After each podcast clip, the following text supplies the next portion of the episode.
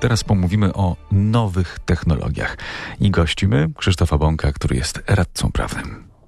Sponsorem programu jest właściciel kancelarii Kondrat i Partnerzy www.kondrat.pl Słownik nowych technologii w RMF Classic.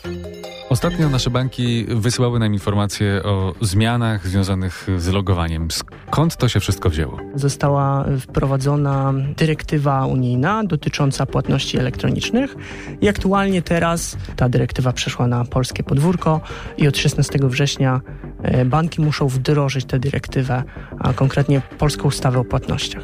To sprawia, że y, nasze logowanie jest y, mniej przyjemne niż było do tej pory.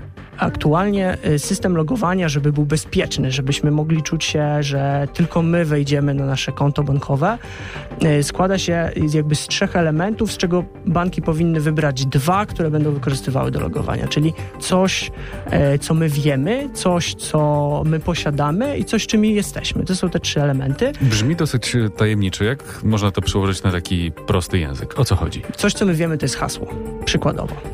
Coś, co my posiadamy, to jest na przykład nasz smartfon, czy na przykład nasze zapamiętane urządzenie zaufane, które zostanie zlokalizowane jako nasza własność. Natomiast jeżeli chodzi o cechy, no to to będą z reguły odcisk palca albo Face ID w iPhone'ach. Mamy swoje dane e, biometryczne. Druga y, sprawa, która może też uprzykrzać nam nieco życie, jest związana z płatnościami zbliżeniowymi, y, które też mają stać się bezpieczniejsze. W jaki sposób? Płatności elektroniczne mają się stać te, te kartą i te, te również przez NFC, mają stać się bezpieczniejsze, bo mają zostać wprowadzone, znaczy już obowiązują de facto y, limity, czyli co szósta transakcja wykonana w ten sposób powinna być potwierdzana PIN-em albo transakcje, które przekraczają stopień, równowartość 150 euro również powinny być potwierdzane e, takim PIN-em.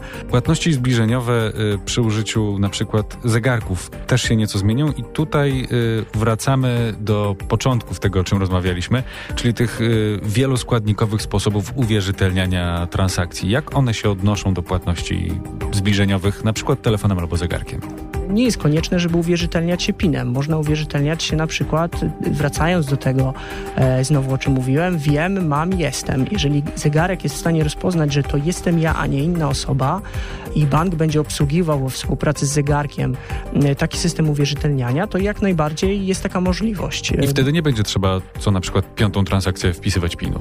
Tak, wtedy nie będzie trzeba tego robić z takim zastrzeżeniem, że oczywiście tutaj musi być współpraca ze strony producenta sprzętu e, i banku banku, który obsługuje i umożliwi takie uwierzytelnienie.